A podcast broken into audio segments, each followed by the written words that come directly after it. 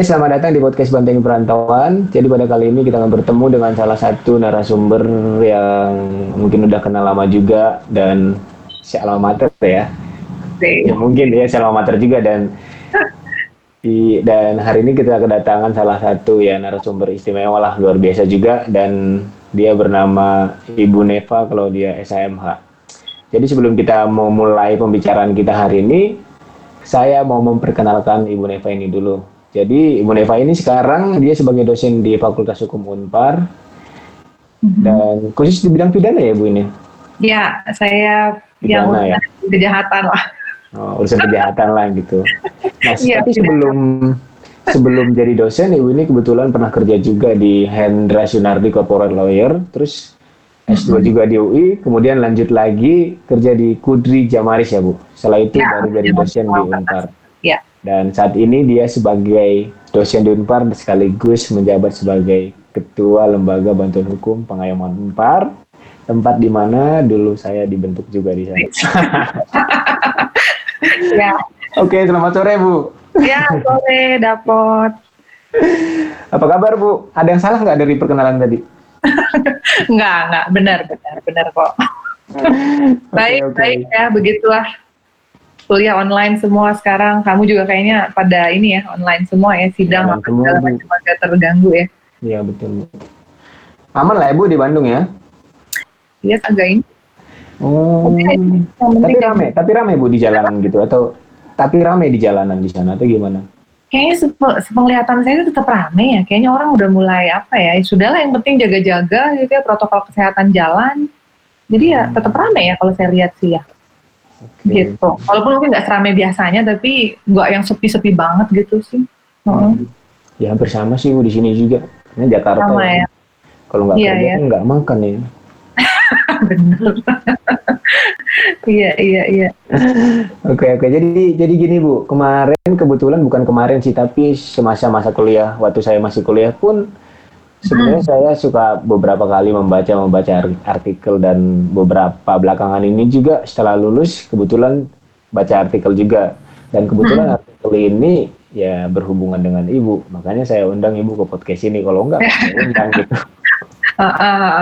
Tapi dari tulisan-tulisan yang ibu buat itu buat saya menarik gitu. Kenapa? Karena ketika ada satu masalah hukum misalnya A gitu, hmm. tapi kita jangan bilang A deh ada satu kejadian masalah hukum dulu yang kalau nggak salah itu Ferdinand Sinaga. Nah, Ferdinand yeah, Sinaga yeah, itu yeah. muncul di Inggris gitu, tapi tiba-tiba ibu membuat satu tulisan di, di itu dan di share juga gitu di salah satu media terbesar juga, hukum online kalau nggak salah ibu.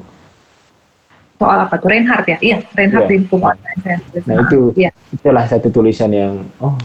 Dan terakhir kemarin saya sempat baca juga mengenai kalau nggak salah itu ada penegak hukum yang menghalangi penyidikan kalau nggak salah. Ya, ya, ya. Inggrisnya ya. saya lupa apa namanya dan itu banyaklah tulisan-tulisan lain yang saya baca juga dari ibu. Tapi oh, kita bukan mau, iya betul ya, itu. Ya. ya. Nah tapi hari ini kita bukan mau membahas tentang itu sih. Nanti untuk materi lanjut lagi lah next episode gitu. Tapi yang hari ini mau ditanyain mengenai menulis artikel di hukum, eh menulis artikel di hukum, maksudnya menulis artikel hukum. Mungkin ya. Kalau misalkan kita sebagai orang hukum nih Bu, sebenarnya kalau kita berbicara artikel hukum itu, kenapa sih kita harus membuat artikel hukum gitu? Ada pentingnya nggak sih gitu? Oke. Okay. Mungkin mungkin kita ini kita harus uh, kasih batasan dulu nih karena artikel hukum ini kan sebetulnya luas banget ya. Mm-hmm. Mungkin uh, dapat minta saya sharing lebih ke artikel populer di media gitu ya. Tapi mm-hmm. sebetulnya kalau artikel hukum tuh ya skupnya luas banget, nggak harus artikel populer di media sih karena nggak semua orang hobi nulis ya di media gitu. Kebetulan saya seneng ya saya uh, tekuni aja gitu. Tapi bukan berarti saya mau bilang oh harus nulis di media gitu kalau enggak nggak keren ya nggak kayak gitu juga gitu lebih kayak ini hobi-hobian yeah. ada yang suka ada yang hmm. enggak jadi nulis tuh bisa di jurnal bisa jadi artikel populer di media. Bahkan sebenarnya kalau teman-teman praktek kan dokumen persidangan juga bagian dari uh, merangkai hmm. apa kalimat untuk membangun satu argumentasi ya. Jadi bikin hmm. bikin legal opinion atau apa pun itu kan sebetulnya nulis gitu. Jadi kalau pertanyaannya seberapa penting uh, itu tadi kalau apa ya kalau nulis artikel populer di media itu hobi-hobian. Ada yang suka ada yang enggak ya itu pilihan gitu cuman kalau menulisnya sendiri menurut saya penting banget karena itu skill dasar yang dimiliki sarjana hukum ya menurut saya ada dua sih pot saya boleh sharing gitu satu kemampuan uh, apa namanya kemampuan berbicara di depan umum public speaking dan yang kedua adalah menulis itu dua hal yang sangat apa menjadi kekuatan kita sebagai sarjana hukum ya menurut saya jadi Hmm. Mungkin ada yang lebih lebih uh, apa? Lebih oke okay kalau dia perform di depan umum kemudian bicara, hmm. tapi ada juga yang kemudian lebih uh, kompeten menulis. Tapi kalau bisa dapat dua-duanya itu paket komplit gitu. Jadi itu dua-dua skill yang menurut saya harus banget dimiliki semua sarjana hukum. Terlepas dari artikel hukum yang dia tulis, hmm. bentuknya apa gitu ya. Itu sih uh, pilihan masing-masing ya. Dan tadi hobi-hobian yeah. kali ya, kayak gitu. Hmm. Oke Bu, tapi kalau misalkan kita berbicara ya, misalnya menulis hukum deh gitu kan, sebenarnya kan bentuknya banyak lah gitu kan ya. Betul, betul. Nah, yang mau tanya ke Ibu itu sebenarnya apa aja sih Bu? Maksudnya ada jurnal, ada artikel yang biasa ditulis di di media, terus ada lagi ya. nggak ya. sih Bu? Yang apa? Yang saya tulis? yang maksudnya dalam yang ibu tahu lah gitu selain ibu tulis yang oh, ibu tahu juga gitu. Hmm. Oh banyak sih ya. Jadi kalau misalnya akademisi, dosen udah pasti dia dituntut nulis jurnal gitu kan. Hmm. Terus artikel populer di media ini yang agak menarik nih karena mungkin itu tadi nggak semua orang tertarik karena kalau dosen tuh ada uh, apa namanya kita ngumpulin semacam kredit point gitu ya kum. Hmm. itu nggak ada nggak ada nilainya atau bukan ada nilainya sangat sedikit gitu nilainya kalau ngomongin hmm tulis di media gitu kan. Sehingga mungkin ada beberapa orang yang merasa aduh sayang kalau dituangkan di media kenapa nggak di jurnal aja? Gitu. Jadi artikel tuh bisa artikel populer di media bisa jurnal bisa legal opinion kalau dapat praktek gitu sebagai lawyer juga kan harus keluarin opini untuk klien juga kan yeah. sebetulnya itu artikel yang isinya kan hukum gitu ya. Hmm. kasus posisi kemudian audit peraturan sampai dengan uh, apa kita menjelaskan posisi klien seperti apa gitu. Jadi kayak jaksa dia harus belajar dan berlatih bikin surat dakwaan misalnya surat hmm. pan ya semua ya hakim. Jadi kayaknya nggak nggak profesi apa pun nggak luput dari kemampuan menulis gitu. Jadi hmm. kalau luas banget ya yeah. nah, hukum ini produknya tuh bisa macam-macam gitu kan hmm. Berarti kalau misalkan dari apa yang Ibu jelasin tadi, kesimpulannya yang bisa saya tarik bahwa apa pun profesinya, ya. mau nggak mau sarjana hukum harus bisa nulis harus. Atau enggak public speaking berarti. Betul, harus, harus. Karena itu yang kita itu yang kita iya, jual Iya benar, iya benar-benar juga ya. Karena kalau misalkan anak hukum nggak bisa nulis, nggak bisa public speaking, ngapain? Ngapain sekolah hukum ya? iya benar kan? Karena itu produk yang akan dikeluarin juga, benar.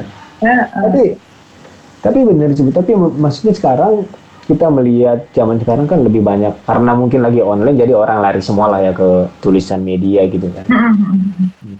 Itu mungkin jadi satu hal yang kayak kenapa yang lebih terlihat tuh itu gitu bu. Yang lebih terlihat tuh jadinya tulisan yang ada di media gitu. Ya betul betul. betul. Nah, terus gini bu, maksudnya kalau kita mau menulis sesuatu tentang artikel hukum gitu, apa sih yang perlu dikuasain? Karena kan untuk bisa public speaking dan nulis itu kan kalau kita mau nulis tentang misalkan perceraian gitu kan apalagi kita ngelihat sekarang itu kalau perceraian ada di dalamnya masalah utang piutang lah ada hak asuh lah atau apalah gitu kan nah untuk bisa nulis maksudnya kayak sekedar nulis gitu tapi bisa menulis tapi singkat jelas padat juga gitu dan ya. mudah dipahamin orang karena kalau kita nulis tapi nggak dipahamin orang kan sayang juga gitu betul. Sampai sampai sampai yang saya sering dengar itu kalau bisa nulis singkatnya sesingkat singkatnya kenapa enggak? Karena itu lebih mudah bagi klien dan itu harganya mahal katanya. Katanya saya belum pernah ngasih sih bu. Jadi saya nggak tahu. Iya ya nah uh, mungkin apa kalau pertanyaannya kemampuan apa yang harus dimiliki ini mungkin lebih uh, dapat spesifik nanyanya soal artikel populer di media kali ya karena ya, buat yang lain-lain mungkin hmm. kayak apa ya legal opinion itu mungkin teman-teman yang bergerak di dunia apa advokasi yang bisa lebih clear gitu yang menjelaskan. Mm. Tapi untuk artikel di media mungkin ada beberapa hal sih. Yang pertama itu uh, kemampuan kita untuk selalu mengikuti informasi. Jadi up to date mm. itu jadi satu hal yang sangat penting karena nah ini saya sharing juga sedikit satu hal yang membuat saya tertarik nulis di media itu uh, challenging karena isu hukum itu bisa basi Hmm. Itu jadi kita tertantang untuk kita harus ngikutin secara cepat gitu. Jadi tadi misalnya kalau dapat kasih apa contoh kasus Reinhardt karena kejadiannya di sekitar bulan Januari gitu ya, hmm. di awal tahun 2020 aja udah dibuka dengan kasus itu kemudian rame gitu kan. Itu ada basinya dalam artian kalau saya nulis itu uh, di bulan-bulan sekarang, nggak lagu lagi ya bu? Nggak apa ya? Nggak dibaca juga gitu ya? Iya benar benar. Nah, udah lama banget harusnya ditulisnya ketika kejadian. Jadi hmm. saya tertantang untuk tetap ngikutin apa ya informasi yang hari ini ada. Kita benar harus up to date karena kalau enggak ya itu menulis di media itu ada ada basinya. Ada ada ada kayak ada luarsanya gitu. Kalau jurnal mungkin relatif bisa terus dibahas sih gitu.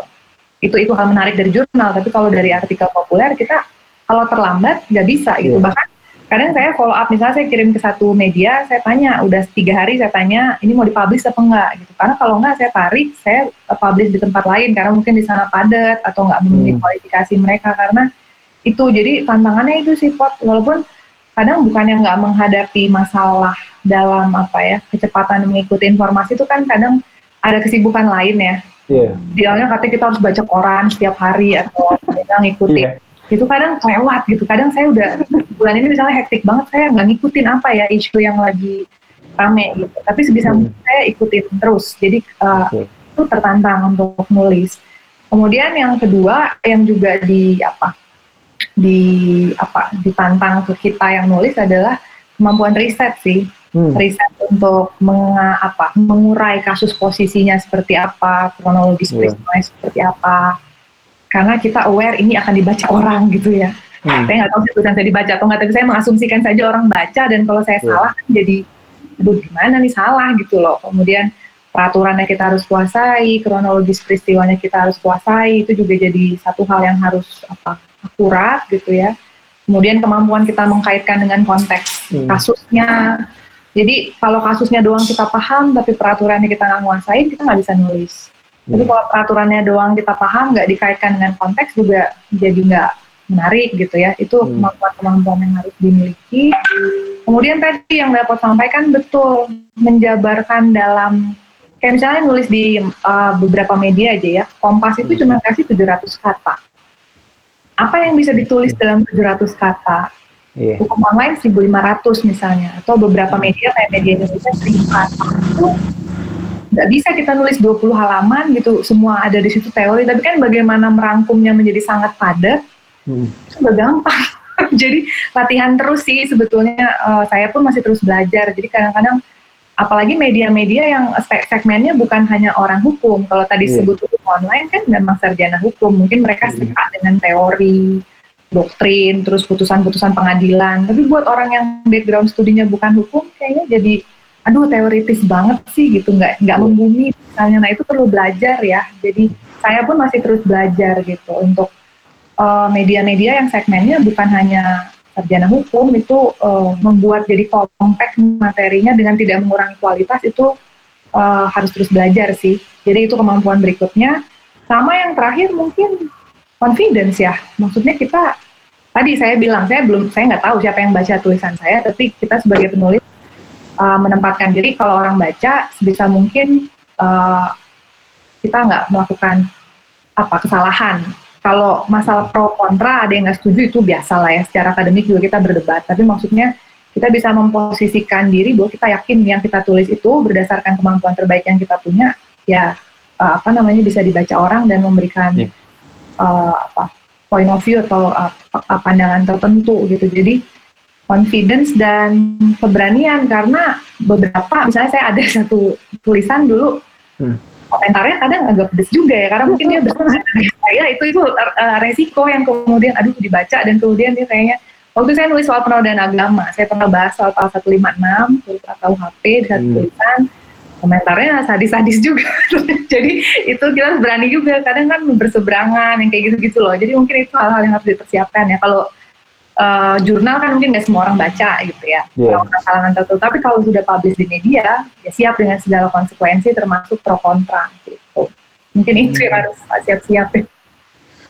Ya, berarti yang harus dikuasain, maksudnya kalau dikuasain ya pasti banyak jam terbang ya Bu, maksudnya harus latihan juga lah ya kalau itu ya. Kalau Semua. Nulis cepet, harus riset cepet juga karena kalau ngelihat apa yang Ibu jelasin tadi kayak kasus Reinhardt kejadian nih, misalkan bulan ini, tapi dalam bulan itu juga Ibu bisa nulis dan nggak yeah. gampang untuk bisa memikirkan apa yang harus ditulis gitu. Kadang buat saya sendiri, saya mikir ketika Ibu udah keluar tulisan, gila ini orang kok gini ya? Maksudnya dalam hati tuh bisa ya seperti ini ya gitu? Dan akhirnya gimana ya caranya gitu kan? Kan hmm. pasti ada jam terbang lah gitu kan bu. Makanya ada tulisan-tulisan ibu tuh yang kayak kejadian yang kemarin itu lah bu yang penyidik yang sekarang lagi menghalangi untuk satu kasus lagi. Tiba-tiba ya, tulisan ya. ibu muncul di media Indonesia itu.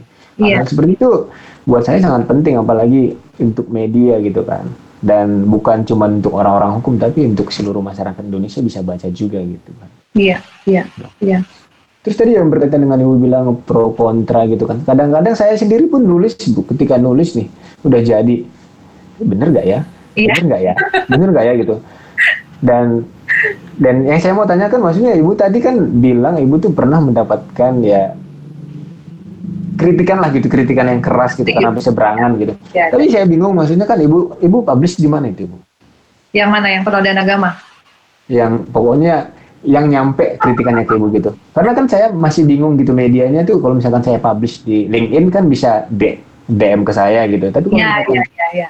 kalau misalkan ibu publish di hukum online itu kan masuk ke hukum online gitu. Atau kalau ibu ini gimana? Itu uh, apa? Komen terbuka jadi semua orang bisa baca. Oh jadi ibu baca gitu oke okay, oke. okay. ya baca komentar orang saya. Jadi kadang-kadang jadi pernah awal-awal saya nulis tuh saya paham ada isu-isu yang aduh ini sensitif nih. Kalau gue nulis apa nih komentar? Jadi pernah ada masa di mana saya nggak mau baca komentar itu. Jadi tiga empat bulan sudah udah mungkin udah, udah basi baru saya buka. Oh ada yang kasih komentar. Kalau kalau sekarang udah lebih kebal ya terserah lah gitu. Orang mau pro kontra mau setuju enggak terserah gitu. Bahkan ada yang nakutin tulisan saya dia bikin tulisan baru itu ada yang kayak gitu. Oh, dikembangin gitu mas ibu bukan dikembangin dia nggak nggak sependapat dengan saya dia bikin versi dia dan menurut saya nggak masalah berarti oh, dia okay, okay. dia baca tulisan saya dan itu indikasi baik ya menurut saya walaupun maksudnya kalau kita ngelihat dari sisi lain mungkin kita ngerasa kok ini orang beda pendapat terus uh, berani-beraninya komentar atau apa saya sih enggak ya. Justru ketika dia kasih komentar berarti tulisan saya dibaca. Dan yang nggak masalah beda pendapat gitu. ada yang sampai bikin tulisan baru ada yang hanya sebatas kasih komentar macam-macam gitu. Itu harus siap sih kalau masuk karena karena itu satu hal yang penting juga. Ibu karena kalau misalkan kita udah jago riset kita bikin ini bikin ini semuanya udah jadi lah gitu udah bagus juga. Tapi untuk mau publishnya itu butuh dorongan yang sangat kuat gitu kan. Iya iya betul. Iya memang ya jadi lo jadi orang hukum ini nggak mudah juga ternyata gitu kalau dipikir-pikir sekarang banyak tekanannya juga gitu untuk iya. nulis aja mikir gitu kan benar benar hmm. terus bu kalau mengenai ini tulisan-tulisan kayak gini selain tadi udah ibu jelasin mengenai bahwa ya dalam sehari-hari gitu kan ibu ngikutin ngikutin gitu maksudnya hmm. untuk ibu sendiri itu dalam sebulan tuh ibu nulis nggak sih atau kayak ada nggak sih jangka waktu buat ibu sendiri kayak sampai bisa sampai sekarang gitulah bisa ngikutin dengan cepat bikin tulisan itu. Maksudnya oh. dalam bulanan itu ibu ada semacam apa ya kegiatan rutinitas untuk nulis sendiri nggak sih gitu? Karena kan dilatih-latih terus gitu bu. Atau gimana? Ada terus nggak sih dari ibu? Kalau saya mungkin kalau di runtut ke belakang ini dua tahun kali ya. Saya mulai itu sekitar 2018 gitu. Hmm. sebelumnya juga saya ngerasa ah ngapain sih? gitu. Tadi ya hmm. udah kumnya nggak dihitung itu sedikit banget. Jadi kasarnya gini kalau nulis buku itu kita bisa dapat poin 40 hmm. kalau dosen ya ada hitung hitungannya terus kalau nulis jurnal mungkin 20 25 artikel di media itu cuma satu. Jadi kamu nulis 20 artikel itu sama dengan nulis satu jurnal. Okay. ayo nulis di media gitu? Itu menarik ya. Sudah saya tekuni aja gitu masalah okay, apa ya. Okay. Uh, eh, bahkan ada beberapa dosen yang nasehatin nih. Kalau bunik bunikan dengar gitu dia selalu bilang eh pak jangan media terus kamu harus nulis di jurnal ya mungkin tahun ini saya mau agak bertobat gitu jadi nggak itu menarik aja buat saya sesuatu yang challenging itu karena ngikutin apa ya ngikutin isu terus yeah. tadi kalau dapat tanya ya mungkin sampai sekarang berjalan kurang lebih dua tahun ya saya mulai di September 2018 saya ingat artikel pertama saya sekarang udah 2020 ya kurang lebih uh, apa namanya uh, dua tahun prosesnya memang berproses sih pot. Jadi ada masa hmm. di mana mungkin saya perlu nulis tuh bisa sampai seminggu, kadang dua minggu gitu ya. Hmm. Uh, Ke sini-sini mungkin bisa jadi lebih cepat karena memang lebih apa hmm. harus dilatih sih. Dan karena saya ngajar sedikit banyak kebantu karena kan sebetulnya oh, nulis itu iya. teori ya. Hmm. Jadi misalnya saya ngajar mata kuliah apa, misalnya hukum pidana, dasar-dasarnya saya pegang kan, dan itu kan repetisi ya diulang terus di kelas, mungkin dikembangkan hmm. dalam konteks kasus. Jadi itu sangat membantu gitu. Okay. Jadi awal-awal saya ngajar, saya belum berani nulis, bahkan saya nggak punya confidence untuk saya ngajar itu 2013 ya, gabung di Fakultas Hukum 4. Kan lima tahun kemudian saya baru berani untuk, nah kayaknya udah pede nih gitu, saya coba hmm. nulis. Jadi prosesnya panjang. Oke. Okay. gitu, lima tahun ya kurang lebih. Oke. Okay. Berarti ini kalau ibu bikin tulisan ya ibu kerjain sendiri, ibu revisi sendiri, pokoknya ibu semuanya lah gitu kayak. Terus baru nanti iya. publish. Gitu. Oke. Okay. Iya, iya, iya. Saya, saya mau nanya lagi Bu, mengenai teknisnya ini kan ya maksudnya kalau zaman sekarang ya, apalagi jalan zaman ya online gitu kan, ya ya kita nggak usah munafik lah gitu ya. Maksudnya anak-anak zaman sekarang orang hukum pun pasti pengen dilihat orang lah gitu kan pasti buat tulisannya tampil tampil. Itu pasti tampil lah bahasanya kayak gitu nih. Ya ya ya. Nah, saya mau tanyakan ke ibu. Ibu ibu nih uh, uh. saya nggak tahu apakah gimana apakah ya pasti ada kriteria dari setiap media lah gitu kan. Tapi untuk masuk ke media itu ibu tuh gimana sih caranya nih? Ya kan ada media Indonesia ada hukum online ada Kompas ada hmm. apa ICGR ya kalau nggak salah dulu bu. Oh kemarin uh, apa itu bahasan ID ya itu punya ya, bahasan ID dan mungkin ya. ada beberapa lagi yang saya sebut gitu. Nah untuk masuk ke sana semuanya itu gimana caranya gitu bu? Apakah ya saya nggak tahu ini nih lebih ke teknis ibu aja gitu. Oke, okay. mungkin saya mau kasih kan uh, yang pertama tadi soal apa? Hmm. Soal tampil tampil itu mungkin ada beberapa juga yang menganggap saya banci tampil saya nggak tahu juga ya dan saya nggak peduli maksud saya benar-benar nulis karena saya memang hmm. pengen nulis karena saya hobi saya senang aja dan saya tertantang dan menurut saya saya belajar banyak gitu. kalau kemudian orang jadi populer karena tulisan itu bonus kali ya sama kayak ya. orang kerja nanti, tujuannya mungkin nanti saya tanya lagi tuh bu di belakang jangan dijawab dulu Iya bukan cari duit kan tujuannya, tapi kalau duit itu ya itu ngikutin lah sama kayak gitu kalau konsekuensinya menjadi populer ya itu bukan tujuan, tapi kalau kemudian dapatnya itu ya sudah itu mah bonus. Jadi mungkin itu satu. Terus yang kedua soal apa tadi? Saya jadi lupa pertanyaan. Apa tadi kok pertanyaan Tek, soal oh, kriteria. uh. Kriteria ya. Yeah. Teknisnya sebenarnya kamu tinggal kirim tulisan sih. Jadi misalnya kamu mau nulis ke media A, ya kamu kirim ke alamat email redaksi, minta kriteria penulisan, kalau memang tidak dipublikasikan secara terbuka ya. Hmm. Kalau Kompas uh, ada kok ketentuannya saya rasa, jadi kamu buka websitenya dia ada kriteria penulisan opini. Media Indonesia juga mempublikasi secara terbuka apa kriterianya. Misalnya maksimum berapa ribu karakter, kemudian isunya itu harus bisa dibahasakan dengan bahasa yang mudah dimengerti karena pembacanya hmm. umum, misalnya itu ada kriteria-kriterianya. Kemudian orisinil dengan gaya bahasa kita sendiri. Ya udah, kalau kamu udah pegang ketentuan penulisan, kamu kirim. Uh, selama itu memenuhi, ya mereka akan publish ya. Kecuali memang uh, apa tulisannya nggak sesuai kualifikasi atau ada orang lain yang pernah menulis hal yang serupa. Nah itu makanya saya bilang kita kejar-kejaran. Kalau kita telat, hmm. nah, kejadian saya ditolak karena ada yang iya. nulis dan cepet.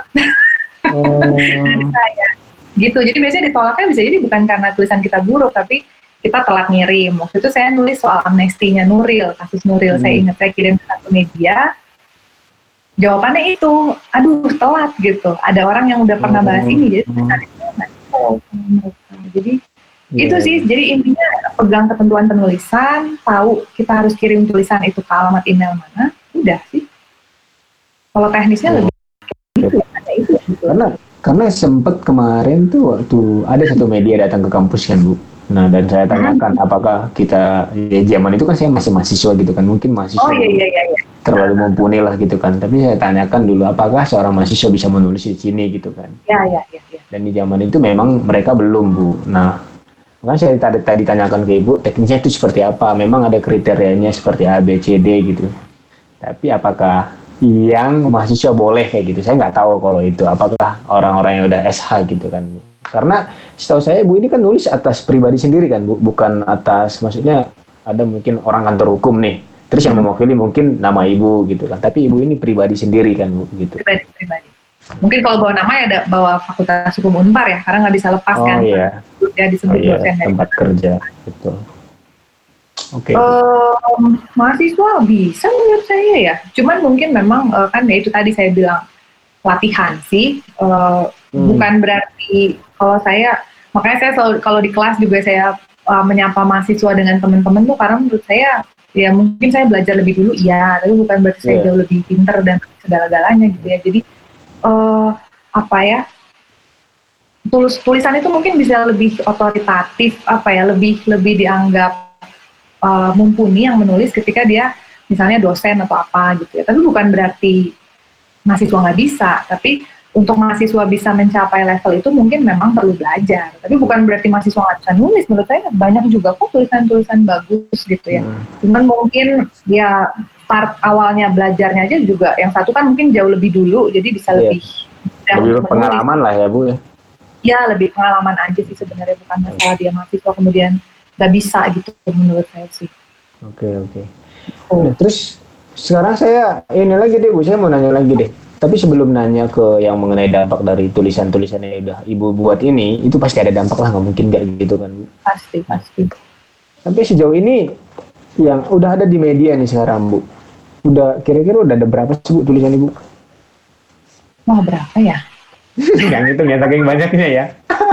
Nggak banyak juga lah. Sebenarnya masih banyak saya nggak tahu kenapa saya banyak. Mungkin banyak yang lebih sering lagi menulis tapi mungkin ya karena dapat yang minta ya udahlah gitu kan.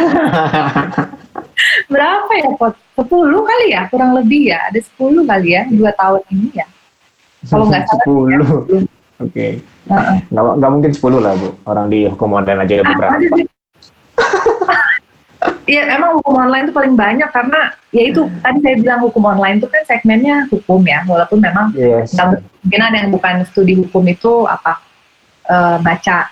Cuman kalau saya menguraikan misalnya saya mau bahas putusan Hograt yang jadi dasar gitu ya hmm. doktrin tertentu muncul, saya lebih enak gitu loh mengurainya tuh bisa sangat dalam terus dia kasih yeah. tuh 1.500 kata jadi lebih banyak yang bisa diurai jadi uh, hukum online yang saya paling banyak nulis, tapi akhirnya saya juga merasa tertantang, eh coba masuk ke media-media yang hmm. teknik hukum, saya harus belajar juga, itu kan okay. saya kebayang 700 kata menulis apa gitu ya, dengan isu hukum yang berat gitu kan, itu harus yeah. latihan pada akhirnya. Jadi memang paling banyak di hukum online karena lebih enak sih, kita bisa agak panjang lebar ya, walaupun terbatas yeah. juga, tapi kalau mau masuk teori agak dalam tuh enak lah, karena kita tahu yang baca satu frekuensi oh, gitu. gitu. Iya Semua. Gitu. Yang, yang Ibu jelasin tadi mengenai 700 kata, saya udah kebayang aja kalau undang-undangnya aja udah 30 kata, udah habis duluan kan. Undang-undang nomor segini Republik Indonesia tentang ini, perubahan kedua, ini, ini, ini. Udah habis, Bu. ya opininya apa kan, jadi kalau ada opini juga, makanya itu latihannya memang Iya. Baru tahun ini kok yang di Kompas itu biasanya memang awalnya di hukum online. Oke, ya kita tunggu lagi lah bu tulisannya bu di di media-media yang lain lagi ntar. Oke nulis nih udah banyak ini. Sebenarnya dampaknya itu apa aja sih bu? Ya maksudnya dampak terhadap ibu. Kemudian dari eksternal pasti ada masuk-masukan juga. Ada nggak ya. sih undang-undangan yang kayak eh sini dong jadi pembicara di sini. Eh nulis dong di media sini gitu gitu. Ada nggak? Ada apa? Ada apa aja nggak? Ada apa aja sih bu?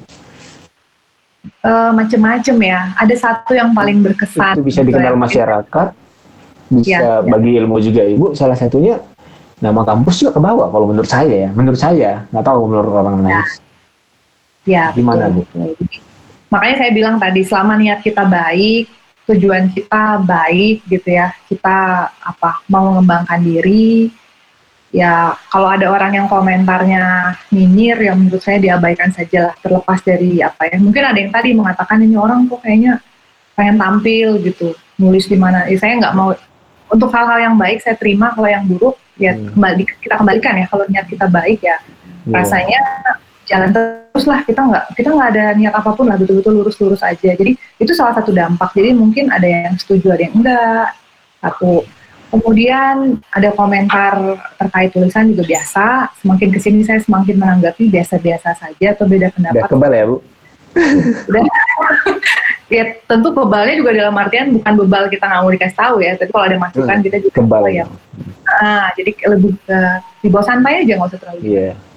Terus apalagi dampaknya? Belajar banyak sih menurut saya kan dalam waktu yang sangat singkat kita harus baca, hmm. harus nulis, harus ngikutin isu. Kalau kemudian ditanya apakah ada yang pernah ngundang, ada. Itu gara-gara tulisan misalnya Pak Reinhardt waktu itu sempat hmm. ada diskusi yang menggagas tuh teman-teman psikologi. Tapi mereka mau lihat oh. dari hukumnya seperti apa, bukan dampak hukum, sorry. Uh, pengaturannya secara hukum tuh gimana sih, secara hukum pidana dan sedikit masuk ke kriminologi. Gara-gara tulisan itu pernah gitu ya. Okay. Di apa, sedang bicara. Kemudian yang mungkin paling berkesan tuh ada satu, jadi ada conference di Lombok waktu itu di Mataram soal restoratif justice. Hmm. Terus saya ketemu dengan teman-teman dosen yang lain lah ya, saya presentasi biasa segala macam Terus ada satu orang yang saya kok kayaknya familiar ya dengan Pak Bapak ini saya lihat di mana gitu ya. Kemudian closing, eh, penutupan acara, saya baru ingat, oh ini kuasa hukumnya Bu Nuril gitu. Oh. Lawyer yang sering okay, Jadi okay. karena saya ngikutin kasus itu dan saya nulis, ada satu hmm. tulisan yang saya tulis, karena saya ngikutin kasus Nuril, saya WhatsApp ke dia, Pak, salam kenal, saya tadi ngelihat Bapak, tapi saya nggak berani nyapa, tapi muka Bapak tuh sangat familiar gitu.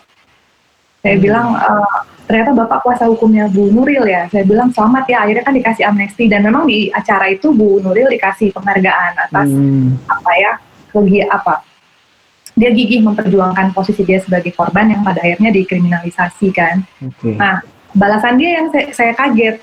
Saya juga kayak familiar dengan muka Mbak gitu, tapi saya nggak tahu hmm. siapa. Saya tanya-tanya, oh ini yang suka nulis di hukum online. Okay. itu rasanya oh tulisan saya dibaca ya Pak. Iya itu soal Nuril waktu itu. Jadi itu yang mungkin salah satu yang oh tulisan saya dibaca gitu. Saya nggak kenal dia hmm. nggak pernah ketemu saya, tapi kita kayak saling siapa ya ini orang dia juga mungkin pernah lihat wajah saya tapi mungkin nggak langsung ya. Jadi baru ya di situ kita saling ngerti gitu. Itu berkesan buat saya. Iya yeah, iya. Yeah. Bisa tersambung ya lihat tulisan tuh entah di mana tuh orang itu di Lombok, ketemu di iya. Lombok jadi temen gitu. Betul. Okay. Gitu. Ada lagi ya Bu? Apalagi ya? Sisanya mungkin. Ya Pak. Ya, itu sih kalau buat saya pribadi sih, uh, saya belajar banyak sih. Jadi uh, kalau apa impactnya positif ya kenapa nggak diterusin ya? Kayak gitu sih kalau dari saya. Jadi ya sebisa mungkin saya akan berupaya untuk terus menulis lah. Karena buat saya manfaatnya banyak gitu. Terlepas dari ada yang setuju, ada yang enggak, ya Hmm. beda pendapat secara akademik ya sah-sah saja menurut saya. Kalau yang nyinyir ya nggak usah ditanggepin lah. Ya lah ya bu. Kalau niat kita baik kok. Ya. Karena orang nyinyir akan dari terus kok. Jadi ya udahlah gimana mereka aja. iya, iya gitu kurang lebih lah. Oke oke Bu, makasih banget Bu buat setiap apa yang Bu udah jelasin hari ini ya. Tentunya nggak akan berakhir di sini sih. Ya, karena tulisan Ibu terus naik maksudnya naik kan tulis gitu kan ya gitu lagi lah tulisan-tulisan lain yang mungkin besok atau lusa ada proses hukum tiba-tiba ibu tulis lagi kan ya. Kita kan undang ibu lagi ya ibu nanti bicara mengenai apa lain iya kalau lagi banyak kerjaan sibuk karena waktunya. Uh-uh. iya. Semakin padat semakin banyak jam terbangnya semakin banyak tulisannya berarti nanti. Nah, amin. Oke oke Bu. Tadi tadi dari awal Ibu udah jelasin semuanya, tapi ya saya mau simpulin sedikit mengenai bahwa semua yang udah Ibu jelasin tadi bahwa untuk bisa menulis artikel itu ya memang ya harus gitu seorang sarjana hukum memang harus bisa menulis dan ya public speaking juga termasuk untuk bisa menulis iya. ya tentunya ya harus banyak latihan. Mau latihannya gimana ya harus mulai dari sekarang. Ibu juga tadi bilang mulai dari 2018 dan sekarang sampai sekarang lah ibu dan selanjutnya nanti gitu butuh waktu juga dan terlebih ibu juga udah pernah juga kerja itu kan memupuk semua juga kan bu untuk mempersiapkan untuk nulis ini juga secara nggak langsung mungkin kayak gitu. Dan ya karena kita cuma membahas tulisan ini di sini aja ya saya minta sedikit apa sih bu pesan untuk teman-teman yang akan mendengarkan gini di podcast kali ini? Karena buat saya saya juga karena saya kan sering berbagi informasi lagi gitu ke teman-teman sekalian karena saya merasa ketika tinggal di Bandung memang kurang dapat informasi gitu sehingga melalui tempat ini dan karena ibu udah banyak tulisannya karena itu fakta ya maksudnya ada dan di media udah ada juga dan saya mau supaya bukan saya nggak menyuruh-nyuruh ibu ya nggak memerintah ibu tapi memohon supaya ibu men-sharekan sedikit apa ya pesan gitu untuk mahasiswa-mahasiswa hukum juga karena ya karena ilmu yang kenapa sih kenapa kita nggak berbagi sih kalau bisa gitu maksudnya gimana bu? Oke, okay.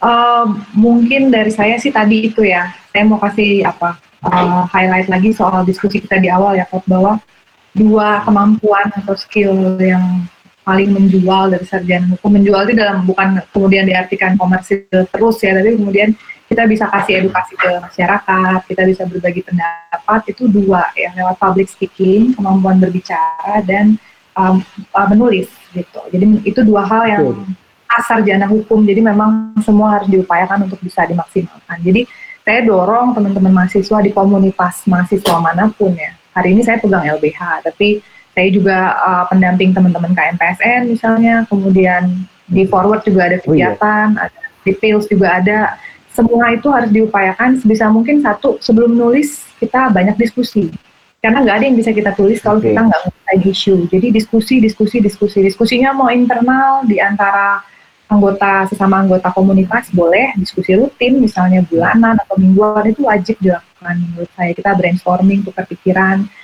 Kalau di era pandemi hari ini justru ini peluang ya. Karena semua borderless ya. Selama isunya menarik kita bisa publikasi bagus semua orang bisa dengerin hmm diskusi itu. Itu juga kan uh, melatih ya. Jadi uh, terutama di LBH sekarang saya paksa untuk kemudian ya riset gitu nulis. Nulis kita bikin podcast. Itu sebenarnya mau melatih kemampuan mereka untuk menulis dan juga bicara gitu. Karena itu didengerin banyak orang. Jadi itu manfaatnya banyak banget. Jadi sebelum menulis mungkin memang diskusi itu jadi jadi hal yang penting juga ya. Untuk diupayakan hmm. setiap saat kapan pun kita bisa diskusi kita diskusi gitu. Forumnya bisa macam-macam kalau yang senang apa uh, misalnya LBH dia praktek langsung ya karena berurusan dengan klien konsultasi hmm. luar biasa belajarnya tapi kalau KMPSN mungkin dia belajarnya lewat simulasi persidangan itu juga kan nulis dokumen persidangan itu juga kemampuan public speaking hmm. Juga punya caranya sendiri uh, forward juga sama gitu. Jadi menurut saya semua komunitas mahasiswa harus bergerak ya. Kayak di himpunan sekarang ada divisi baru soal litbang. Itu saya apresiasi juga. Jadi mereka bikin infografis. Hmm itu kan perlu riset ya hmm. perlu yeah, iya. riset yeah. Jadi kalau itu diupayakan sejak awal sejak mahasiswa saya optimis lah gitu masuk ke dunia kerja juga jadi lebih lebih kebayang ya karena kita ya, ya kamu pasti dikasih kerjaan banyak kan sama bos. Disuruh riset inilah itu ada deadline. Jadi kalau udah yeah, biasa yeah. kita nggak stres ya maksudnya bener, bener. biasa-biasa aja memang itu tiap hari kita lakukan gitu. Okay. gitu. Jadi banyak diskusi dan banyak uh, upayakan banyak menulis ya. Apa pun medianya silakan kayak gitu. Oke. Okay. makasih banget bu untuk informasi yang udah ibu kasih hari ini. Ya karena ini akan di post dan saya berharap teman-teman ya mahasiswa ataupun teman-teman semuanya orang-orang hukum yang udah sarjana ya bisa mengimplementasikan juga terhadap apa yang ibu udah tadi jelasin. Thank you banget udah mau sharing. Dan saya tunggu lagi bu untuk sharing selanjutnya. Dan makasih banget untuk teman-teman sekalian yang mau setia mau dengerin podcast ini juga mengenai banyak informasi yang bisa didapetin.